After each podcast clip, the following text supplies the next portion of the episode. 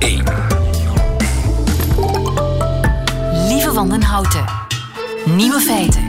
Dag, dit is de podcast van Nieuwe Feiten van vrijdag 22 maart 2019. In het nieuws vandaag dat vegans en vegetariërs nu ook hun eigen Tinder hebben. Veganific is een dating-app waarop enkel mensen welkom zijn die geen dieren eten. En volgens de ontwikkelaars van de app hebben veggies en vegans het vaak moeilijk om op een eerste date al over hun specifieke dieetwensen te praten. En komen ze al te vaak mensen tegen die daarop afknappen. Niet zo op Veganific, want daar doet iedereen speciaal. Je kan op de app aangeven of je vegetariër of veganist bent, een leuke foto uploaden, wat meer info over jezelf toevoegen en dan swipen maar. Swipe je allebei naar links, dan is het Veganalicious. En dan kun je beginnen praten en eten. De andere nieuwe feiten vandaag. Van een boswandeling kun je herpes krijgen. Meisjes die met een tweelingbroertje ooit de baarmoeder hebben gedeeld, die ondervinden daarvan later nadeel. Gemiddeld gesproken toch. Hip-hop is niet dood en Sander van Hoorn verbaast zich over het gebrek aan psychische nazorg na de aanslagen van 22 maart. Vandaag drie jaar geleden. De nieuwe feiten van Christophe van der Goor hoort u in zijn middagjournaal. Veel plezier. Nieuwe feiten. Altijd benieuwd. Het ziet er naar uit dat het prachtig weer wordt voor een boswandeling dit weekend. Maar misschien moet u een mondmasker daarbij opzetten. Want anders zou u wel eens een hele specifieke soort verkoudheid kunnen oplopen. Hans Nauwink, goedemiddag. Goedemiddag. Je bent viroloog aan de Universiteit van Gent en hebt meegewerkt aan een onderzoek waaruit blijkt dat een boswandeling niet altijd even gezond is. Hoe zit dat? Uh, we mogen natuurlijk uh, niet overdrijven, uh, want ik zie al alle mensen rondlopen met een mondmasker, dat is de bedoeling natuurlijk niet. maar wij hebben gevonden dat pollen, dus stuifmeel, de, de dus het slijmvlies, openmaken om dan toegang te verlenen voor het herpesvirus. Het herpesvirus? Ja, herpesvirus, ja, klopt. En krijg je daar een verkoudheid van, van een herpesvirus? Uh, ja, dat is weinig gekend. Zeker bij de mens. Uh, de meeste mensen kennen het van de, uh, de koortsblaar en ook van de, de windpokken, varicella. maar dat slaat dus aan ter hoogte van het ademhalingsstelsel. En dat is eigenlijk weinig gekend, dat klopt. Aha, maar herpes, ja. dat is toch iets wat je moeilijk of bijna nooit meer kwijtraakt? Dit zit latent, inderdaad, in het zenuwwissel, dat klopt. Je raakt er dan nooit meer vanaf? Nee, maar uh, dat zit verborgen. Dus dat is niet dat dat continu actief is. Uh, dat zit in, uh, men noemt dat de stille toestand in uw midden in een ganglion en tegen de hersenen. Dus we moeten daar niet in overdrijven. Het is vooral, ehm, dit verhaal moet je vooral kaderen in functie van de primaire vermeerdering, dus de, het eerste contact met het virus niet zozeer uh, voor de rest van uw leven. Dus we mogen niet overdrijven. Ah ja, dus uh, wat ik u nu hoor zeggen is eigenlijk dat bij het primaire contact zal dat tot een soort van uitbraak leiden, maar daarna vermindert dat virus dat of, of terug, dat, de, dat trekt ja. zich terug naar, naar het ganglion en dan uh, van tijd tot tijd kan dat terugkeren en dan herken je dat als een koortsblaar. Als een koortsblaar, maar niet als een verkoudheid? Nee. Die verkoudheid kan niet terugkeren? Uh, toch niet in die mate van de eerste vermeerdering. Oké. Okay. En komt dat vaak voor? Want dat is het eerste dat ik ervan hoor. Dit komt uh, uh, vooral voor bij, bij kinderen natuurlijk, bij de primo-infecties. En nadien is dat weinig terug te vinden. Dit is ook bij, bij dieren heel goed gekend. Uh, dus dieren, jonge dieren die voor het eerst in contact komen met herpesvirussen, uh, dat slaat aan hoogte van het ademhalingsstelsel. Het is wel zo dat uh, de meeste mensen en dieren weinig ziekte vertonen en dat slechts bij een beperkt percentage die ziekte uitbreekt. En wij waren altijd geïnteresseerd naar de onderliggende factoren. En nu zien we dat bijvoorbeeld pollen daar een rol kunnen inspelen. En we hebben nu heel recent, maar dat, dat, is, dat zal ook gepubliceerd worden binnenkort, hebben we gezien dat schimmeltoxines daar ook een, een, rol bij spelen. Dus dit zijn factoren die uh, herpesvirussen de kans geven om uh, zeer grote letsels te veroorzaken en dan, dan ook kliniek te geven. Maar dus het zijn niet de pollen zelf die uh, die ziekte veroorzaken, het, het, zijn de pollen die de weg vrijmaken als het ware voor dat herpesvirus. Dat er dan ook juist, moet juist, juist. in de lucht hangen op de een of andere manier. Uh, dat is dus een, de combinatie die er moet zijn. Dus we mogen niet overdrijven dat alle mensen die in het bos gaan lopen uh, die problemen zullen vertonen. Dat is natuurlijk niet waar. Want bossen en herpes, ja, ik, ik associeer die niet echt met elkaar. ik, ook, ik ook niet. dus je moet al daarna in contact komen met dat herpesvirus. Juist, juist, juist. En hoe lang duurt die kwetsbaarheid? Wel, wij hebben gezien dat uh, die pollen uh, dat epitheel openbreken en dat dat uh, ongeveer 12 tot 24 uur open blijft en dat dat dan weer automatisch sluit. Het is niet zo dat dat onomkeerbaar is. Ja, ja. ja, de hamvraag blijft natuurlijk, als ik wil in het bos wandelen dit weekend, er is volle pollentijd, het is volle pollentijd, ja. moet ik een mondmasker op? jij moet dat zeker niet doen, want ik denk dat je sowieso al geïnfecteerd geweest bent tijdens uw kindertijd. Ik heb het al. Uh, dus ik heb het al. Dus, uh, je dat ben je zeker? Wel, de, de, meeste mensen zijn geïnfecteerd tijdens een, een als, als kind. Dus de meeste mensen moeten zich geen zorgen maken als ze volwassen zijn. Oké, okay, dus maar ja. kinderen zou je dan wel beter een mondmaskertje opdoen? Um, dat hangt ervan af als dat virus aan het circuleren is natuurlijk. Um, en dat uh, is moeilijk te zien, omdat het niet bij alle uh, mensen uh, en dieren problemen geven. Dus daar uh, ja, vind ik ook dat men daarin overdrijft, om daar iedereen, alle kinderen natuurlijk met een mondmasker, door het bos uh, te gaan jagen. En dan ook heel belangrijk is dat niet alle individuen op dezelfde manier reageren op die pollen. En dat is Ja. ook iets dat we in de toekomst gaan bekijken. Er zal er waarschijnlijk ook wel een individuele gevoeligheid voor zijn. Ja, dus eigenlijk zeg je, eh, je moet er, je- we moeten er ons niets van aantrekken. ja, wel, je moet in die richting denken, ja. Maar toch goed om weten. Dankjewel, Hans Nouwing. Ja. Goedemiddag. Nieuwe feiten. De ontdekking van België. Die ontdekking kent geen einde. Sander van Horen, correspondent Brussel voor de NOS. Na een half leven in eh, Beirut te hebben gezeten als correspondent voor de NOS. Eh, maakt voortdurend vergelijkingen tussen Beirut en Brussel. In vergelijking ook met eh, Amsterdam. Terwijl hij ons land ontdekt en daarover op vrijdag verslag komt uitbrengen in Nieuwe Feiten. Ik hoor de vogeltjes fluiten. Het is lente in Brussel. Dag Sander. Het is lente in Brussel en er is weer eens een Europese top aan de gang waar ik druk mee ben. Maar het is natuurlijk ook drie jaar na de aanslagen in eh, Maalbeek en Zaventem. Juist, ja. Ja, toch met dat soort grote gebeurtenissen, dat soort traumatische gebeurtenissen, ontkom je er niet aan om daarbij stil te staan. En eh, als je het zelf niet hebt meegemaakt, want ik was toen nog gewoon netjes in Beirut, ja, dan toch word je er op alle mogelijke manieren mee geconfronteerd. En wat valt er je daarbij op qua Belgische houding tegenover grote aanslagen en grote traumatische Nou ja, gebeurtenissen?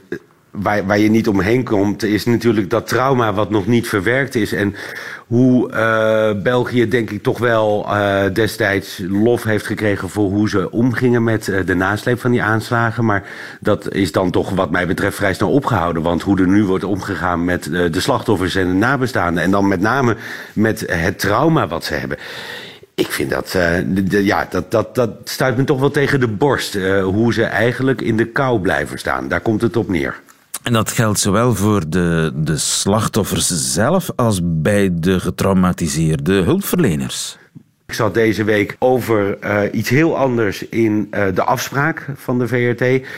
En daar zat bijvoorbeeld de woordvoerder van de politie destijds. Die eh, gewoon eh, van buiten kwam. Hij was niet bij die aanslagen geweest. Maar hij moest het woord voeren. En om die reden dus ook op de plek aanwezig zijn.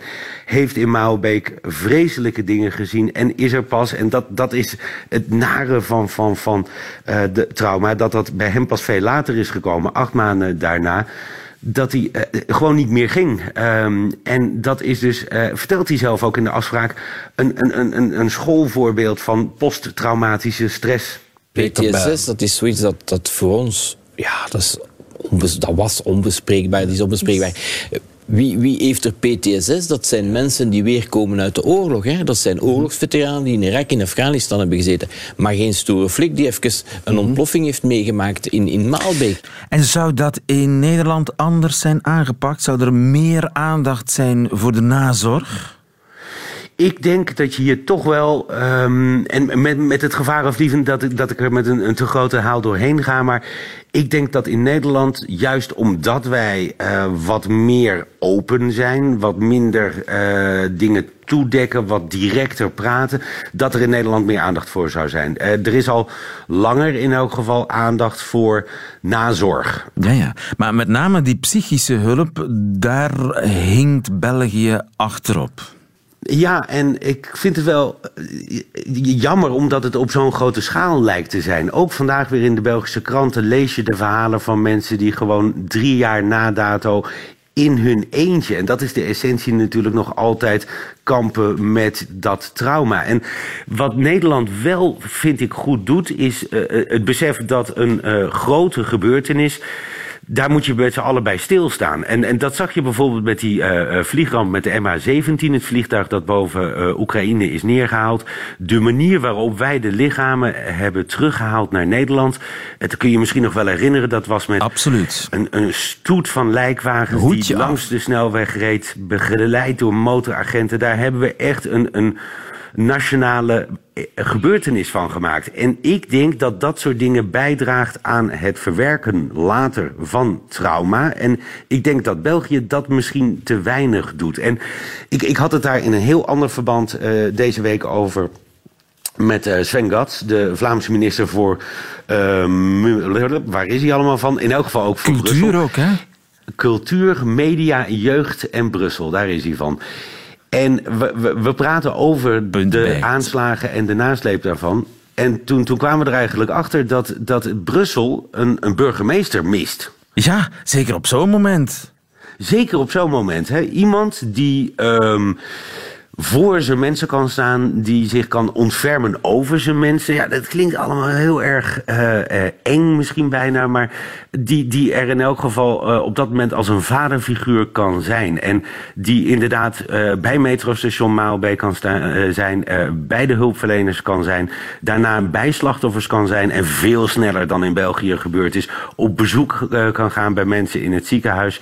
En, en, en een beetje wat, wat, wat je hebt met wat Nederland heeft gedaan na die vliegramp het geïnstitutionaliseerde rouwen kan vertolken. Maar ja, dan krijg je natuurlijk weer Brussel. Geef het je te doen. Daar zijn wel burgemeesters, maar het zijn er, het zijn er 19. 19 ja. Moet dat dan de minister-president zijn van, van het gewest Brussel? Ja, dat kan best, maar gaan die burgemeesters dat toestaan? Dus ik, ik probeerde uh, Gatsoen inderdaad ook te, te porren van... Uh, zullen we Brussel dan niet gewoon opdoeken en daar één gemeente van maken?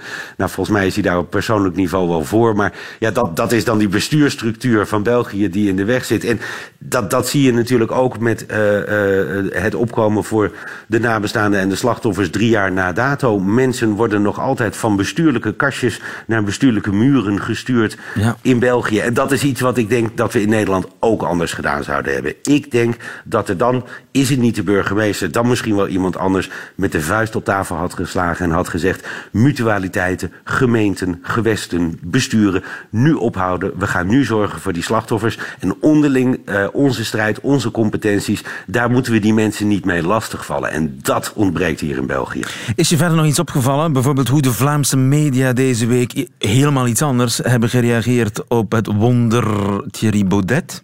We hadden het er gisteren over uh, natuurlijk. Ja, en, en uh, het zoeken naar wie is Baudet. Ja, ik vind het het leuke, want, want uh, dat hoop ik natuurlijk te doen hier bij jou in het programma om uh, een spiegel voor te houden. En ik, ik, ik ben op zoek gegaan naar de spiegel die uh, jullie ons voorhouden. En dat, dat is het toch een lastige, omdat jullie net zoals wij worstelen met Thierry Baudet. Wie is de man, maar wie is belangrijker ook zijn kiezer? Hoe verenig je die met elkaar? Het, het, het, het de verwondering vind ik uh, uh, interessant om te lezen... die de Vlaamse media hebben met Thierry Baudet. Ja. De vergelijking natuurlijk, die ook meteen wordt getrokken... want een van de makkelijkste spiegels is, is de vergelijking met jezelf. Nou ja, Bart Wever die had hem bijvoorbeeld. Die vergeleek zichzelf met Thierry Baudet. Ik weet niet of je dat hebt gezien... Baudet bespeelt dus diezelfde thema's als de NVA. Inderdaad, migratie, veiligheid, ecorealisme, kwaliteit van onderwijs. Kwaliteit van onderwijs. Uh, maar er is toch wel een groot verschil, neem ik aan, tussen Bart de Wever en Thierry Baudet. Ziet hij zelf ook wel hoor. Bart de Wever zegt ook over Baudet dat hij uh, veel flamboyanter is. Nou, dat lijkt me het understatement van het jaar. Want uh, Bart de Wever is, uh, ja, misschien toen hij begon. nee, ja, zeker toen hij begon. Hè, toen, toen hij nog heel wat kilo's rijker was. Ik denk dat uh, Bart de Wever juist die man van het volk was. Die uh, uh, ja. vertolkte wat het, in elk geval het Vlaamse volk wilde. En Baudet kan je met de beste wil van de wereld toch niet een man van het volk noemen. Ja, en dat is dat wat dat wij Vlamingen heel moeilijk snappen. Hoe iemand die zo elitair doet, toch de stem van het volk kan krijgen. En dat is misschien de essentie van het zoeken, eh, wat ik ook probeer te vinden in de Vlaamse media, hoe dat kan. Hoe het kan dat die Nederlanders, die inderdaad in tegenstelling tot uh, de Vlaming, uh, uh, ook die, die, die de volksheid willen. Wij hebben die uitdrukking, doen normaal, dan ben je al gek genoeg. niet met je kop boven het maaiveld uitsteken. Die puur Hollandse Calvinistische waarden. Wat dat betreft zou een Thierry Baudet eerder op zijn plaats zijn in, in, in Vlaanderen, in België. Maar hij is er in Nederland. En dat is een rare paradox. Ik moet ik heel eerlijk zeggen, ben er nog niet over uit. En de Vlaamse media ook niet. Wat er wel gebeurt, is dat we ons nu heel erg blind staren op de persoon. En dat moeten we ook zeker doen. Maar veel interessanter, en daar zijn we bij de NOS eh, natuurlijk al wel mee begonnen... is ons af te vragen, uh, wie zijn zijn kiezers? Wat willen zij? Uh, is daar een gemene deler? En hoe zorg je ervoor dat je dat geluid ook in je uitzendingen laat horen? Wat de woordenlijst betreft heb ik mij een beetje laten inspireren door Thierry uh, wat is jaar? Um, de Vlaamse woordenlijst. Ja, ik zou... Het Vlaamse woord ja, jaar. Jaar ik zou hebben. Snel eventjes... Wat is jaar? Jaar hebben. Is dat goesting? Nee, dat zal het niet. Ja. Wat is jaar? Nee, ik weet het niet. We noemen het ook wel eens uh, pretentie, praatjes. Ah, oké. Ja, ja, ja, ja. ja. En dat heeft Thierry Baudet dus.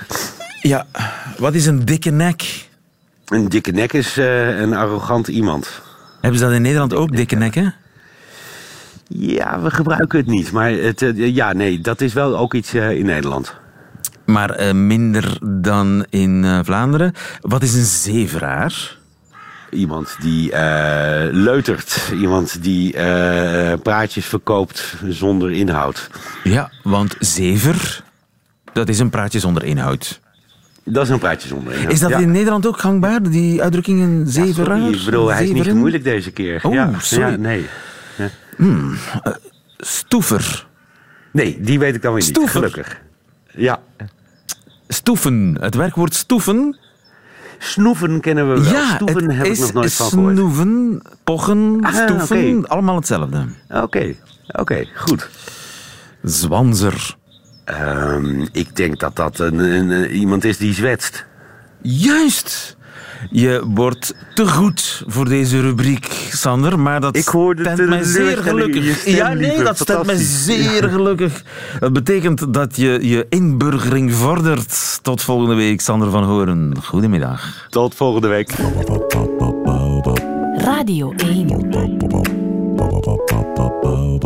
Nieuwe feiten.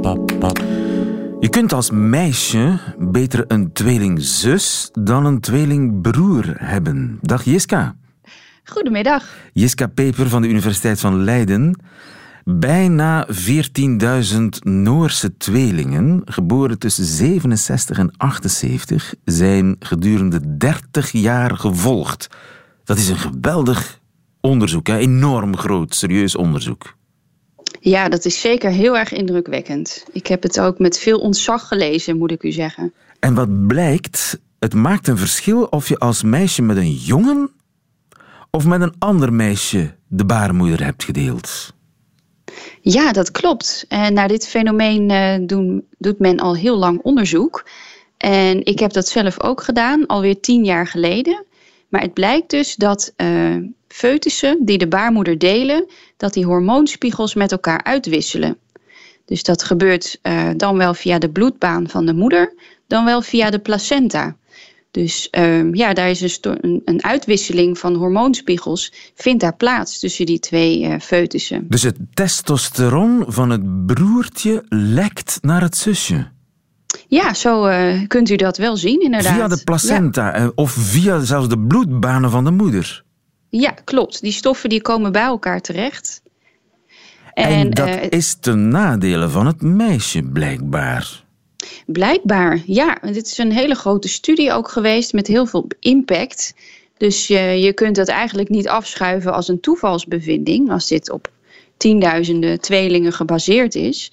Maar er werd altijd eh, tot voor kort vrij kritisch over gedaan, over die testosteronhypothese, dat die baby's dat uitwisselen omdat er nog niet echt hele harde overtuigende bewijzen waren gevonden. En nu hebben we dat harde bewijs wel. Want wat is eigenlijk het verschil? Wat eh, overkomt een meisje dat met een andere jongen, met een jongen de baarmoeder heeft gedeeld? Ja, dus dat ligt aan het hormoon testosteron. Een jongetje produceert voor de geboorte al grote hoeveelheden testosteron.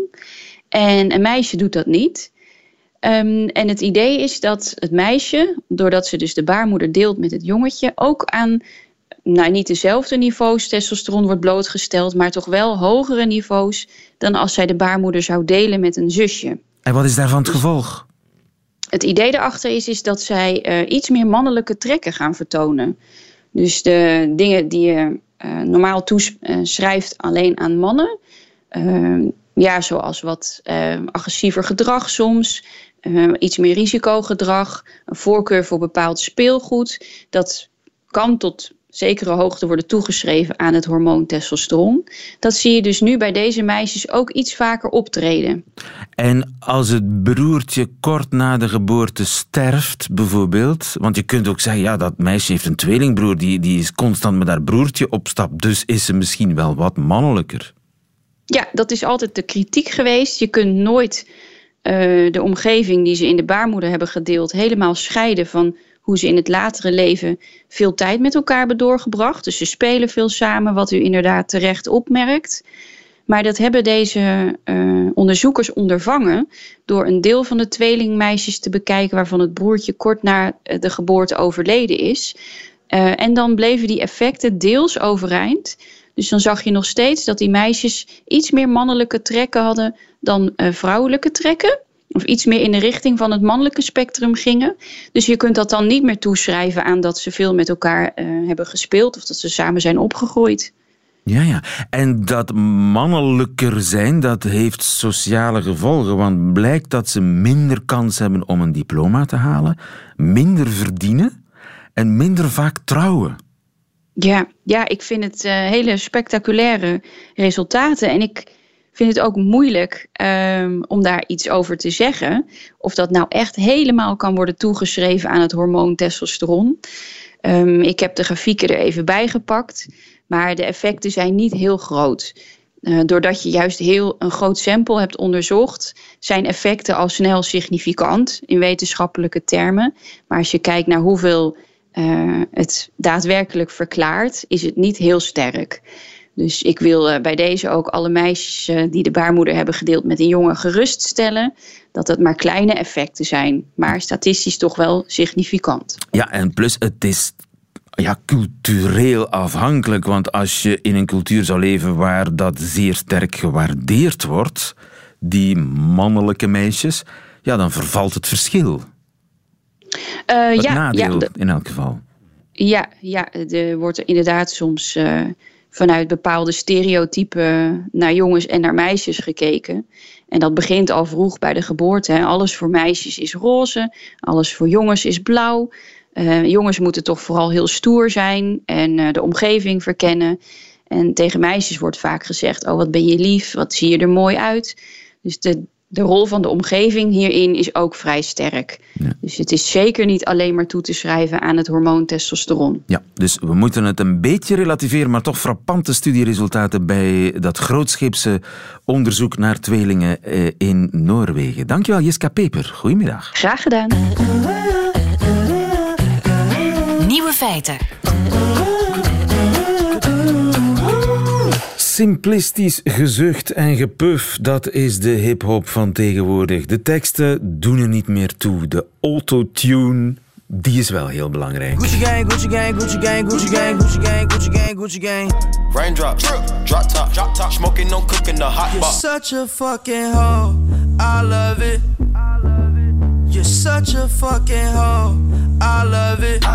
Comateus gemompel gedrenkt in autotune, de hip-hop van tegenwoordig. Hoe anders klonk het vroeger? Fuck the police coming straight from the underground. A young nigga got it bad cause I'm brown. Some say the the better, the sweeter the juice. I say the darker the flesh and the deeper the root. So push me, cause I'm close to the edge. Fight for power.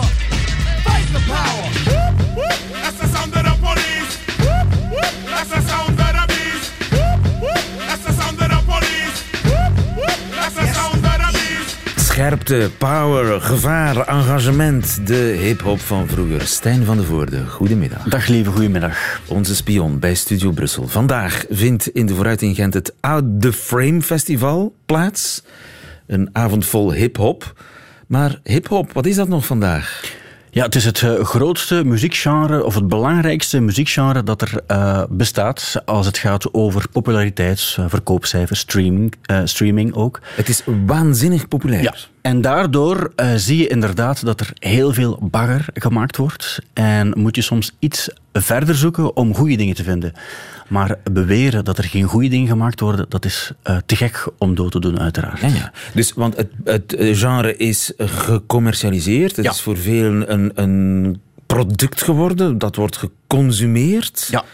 Maar dat betekent niet dat het genre artistiek overleden is. Wel, absoluut niet. Het gaat in dit geval ook concreet over de teksten. En eh, teksten is altijd een beetje moeilijk geweest in de muziekgeschiedenis ook, want Obladi, Oblada was ook niet de allerscherpste tekst die de maar, Beatles... maar bij, bij rap is de tekst toch het aller... Het is, het is toch straatpoëzie op een beat? Wel, de man die ooit gezegd heeft, of de vrouw, ehm, dat ehm, rap of hip-hop de, de poëzie van de straat is, die, met die mensen hadden we nog eens kunnen discussiëren, ook of dat wel zo is. Want misschien zijn we wel twee disciplines door elkaar aan het halen. Eh, hip-hop is iets helemaal anders dan poëzie. Het is niet omdat het soms een beetje rijmt en soms ook niet, en soms ook nergens over gaat of nergens over lijkt te gaan, dat het automatisch ook poëzie is.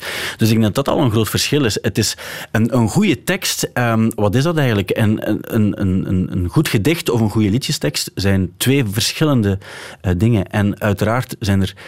Zou je ook bij die Gucci Gang bijvoorbeeld kunnen zeggen, dat zou Van Ostaaien ook nog gedaan hebben zonder autotune, dan, dan ehm, maar het is een slechte vergelijking. Ik- En ik denk ook ehm, dat er heel veel mensen die alleen maar naar hip-hop luisteren, die je hoort op de commerciële zenders of in de hitparades, die horen vooral slechte dingen. Dat is absoluut waar. Maar net zoals als je van rockmuziek houdt, moet je soms ook gewoon verder gaan zoeken.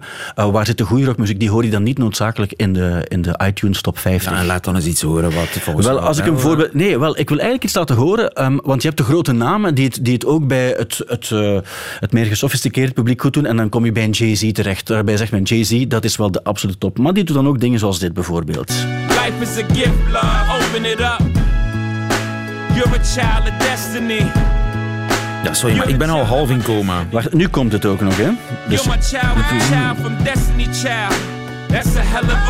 En daar gaat het over. Dus wat zegt Jay-Z hier in dit nummer? Hij zegt, eh, you're a child of destiny, you're a child of my destiny, you're my child with the child from Destiny's Child. Dus hij heeft iets met Beyoncé die vroeger in Destiny's Child zat. Dat is echt een hele slechte tekst die hij hier... Maar het is wel de grote Jay-Z.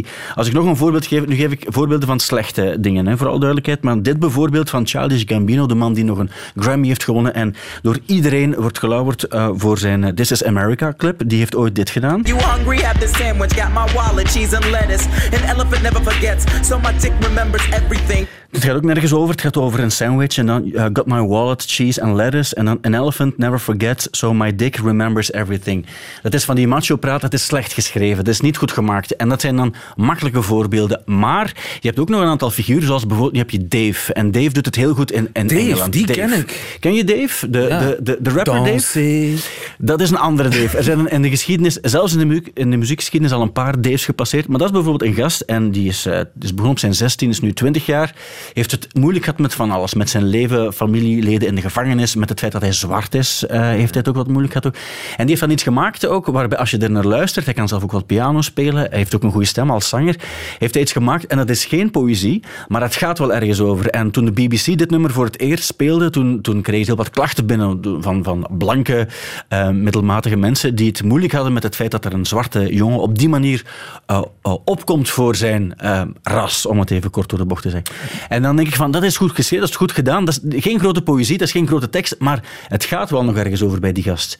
En dan denk ik, dat is dan wel een goed voorbeeld Er is van... authenticiteit. Ja, en, en, en je hoort het ook, het is niet dom geschreven. Ik denk dat 90% van de, van de hip-hop is dom geschreven. Net als 90% van de dichtbundels die uitkomen eigenlijk slecht zijn. Daar gaat je nergens over. e- enig idee waarom dat dan toch zo populair is? Ja, gewoon ook omdat het vaak goed klinkt. Veel mensen luisteren niet eens naar liedjestekst. Daar ben ik 100% zeker van. En als je dan iets catchy hebt, dat Gucci Gang, Gucci Gang, Gucci Gang naar elkaar zegt, dan vinden mensen dat vaak goed. Net zoals... Dat is een soort behang, toch? Ja, maar waarom raken ook Stan van Samang... Melodie zit er niet in. Nee, maar het is wel... Ja, maar het hoeft niet altijd melodieus te zijn. Als het een beat is die ergens... En dan een soort van... Chill. Catchy... Ja, iets chill. Het klinkt goed op een of andere manier. Voor sommige mensen. En dan volstaat dat eigenlijk. En dat is het mysterie aan muziek, dat je sommige dingen niet kan verklaren waarom zoveel mensen het Oké, stop. We gaan luisteren naar Black.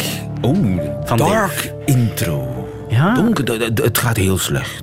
Eh, ja, hij heeft Met ook mij en met de wereld. psychische problemen ook. En het zit er allemaal in verwerkt. Je zal het wel horen. Maar nu nog niet.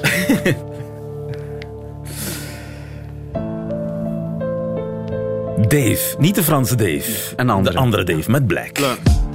Black is beautiful, black is excellent. Black is pain, black is joy, black is evident. It's working twice as hard as the people you know you're better than. Cause you need to do double what they do so you can level them. Black is so much deeper than just African American. Our heritage been severed, you never got to experiment with family trees. Cause they teach you about famine and greed and show you pictures of our fam on their knees. Tell us we used to be barbaric, we had actual queens. Black is watching child soldiers getting killed by other children, feeling sick like, oh shit, this could have happened to me. Your mummy watching, telling stories about your dad in your knees. Blacker the berry, the the juice. The kid dies, the blacker the killer, the sweeter the news. Jongens, dit vind ik echt fantastisch. Hip-hop is niet dood, zeker niet dood. En je hoeft niet terug in de tijd om de echte hip-hop te vinden. Dave en Black, dankjewel Stijn van de Voorde om dat punt duidelijk te maken. Waarmee u alle nieuwe feiten gehad heeft van deze vrijdag 22 maart 2019. Behalve natuurlijk die in het leven van sportcommentator, eh, wielercommentator Christophe van der Goor, de man die deze week het middagjournaal bijhoudt voor nieuwe feiten. Nieuwe feiten. Middagjournaal. Goedemiddag. Het gebeurde vorig jaar in maart. Bij het zien ervan kreeg ik een enorme opstoot van vreugde, onbegrip ook wel, twijfel en blijdschap, want de witte sportsok was terug. Ten tijde van de wielerklassieker Milaan-San Remo, daar heb je hem weer, logeerden we in een hotel langs een van de vele drukke autowegen rond Milaan. Tegenover bevond zich een groot shoppingcenter en ik wilde toch wel eens even 10 minuten uit die koersomgeving ontsnappen en ging even op wandel. Ver geraakte ik niet, want bij het tweede modewinkeltje dat ik tegenkwam, werd ik met verstomming geslagen. Daar stond hij, een modepop. Waarmee ze hem bovenaan hadden aangekleed, dat ben ik al lang vergeten. Mijn aandacht werd naar beneden gezogen, naar de twee witte sportsokken met een blauw randje bovenaan, hoog opgetrokken onder de opgerolde jeansbroek. Ik geraakte in een trance, nam meteen in volledige extase twee of drie foto's en stuurde die meteen naar mijn vrouw, met als bijschrift: Joepie, het kan opnieuw. De witte sokken zijn back in business. Want als het hier in modestad Milaan te zien is, dan heeft ontkennen geen enkele zin meer. De smiley kwam snel, gevolgd door de niet mis te verstane mededeling. Maar niet hier in huis. Geen denken aan, uitroepteken. De schok uit de jaren negentig, toen we elkaar leerden kennen, was duidelijk nog niet verwerkt. Dat heeft ook te maken met het dragen van andere kledingstukken, maar daarover zullen we het nu even niet hebben. Het dragen van witte sokken dus, buiten een sportcontext uiteraard, wordt beschouwd als een van de grootste modeflaters van de geschiedenis. U heeft ze ongetwijfeld ook al vaak gezien op vakantie. Heren van boven de 50 met witte sokken in sandalen, het fototoestel bengelend op en neer wippend tegen de buik, vaak met een, ja ook dat nog, driekwartsbroek. Zo erg is het bij mij nooit geweest, maar witte sokken droeg ik als kind en student vaak en graag. Nooit vragen bijgesteld, waarom ook? Er zijn toch veel ergere dingen in de wereld dan ergernis over witte sokken, die houding. Maar vrouwen en andere mensen met een gevoel voor mode gruwelen en gruwelden bij dit zicht. Tot het modehuis Gucci Twee jaar geleden besloot dat de witte sportsok plots hip kon en moest zijn als modeartikel. En dus is het plots wel hip. Pff, dacht ik, zo is het wel makkelijk. Eerst denigreren doen en dan je kar helemaal draaien, omdat de jaren 90 plots aan een comeback bezig zijn. Vandaag lopen jonge, hippe gasten op de Sporza-redactie met opgerolde spijkerbroek en hoog opgetrokken witte sokken rond. Hip en cool. Mijn zoon van bijna 12? Idem dito. Ik glimlach bij het zicht en troost me met de gedachte dat we onze tijd ver vooruit waren.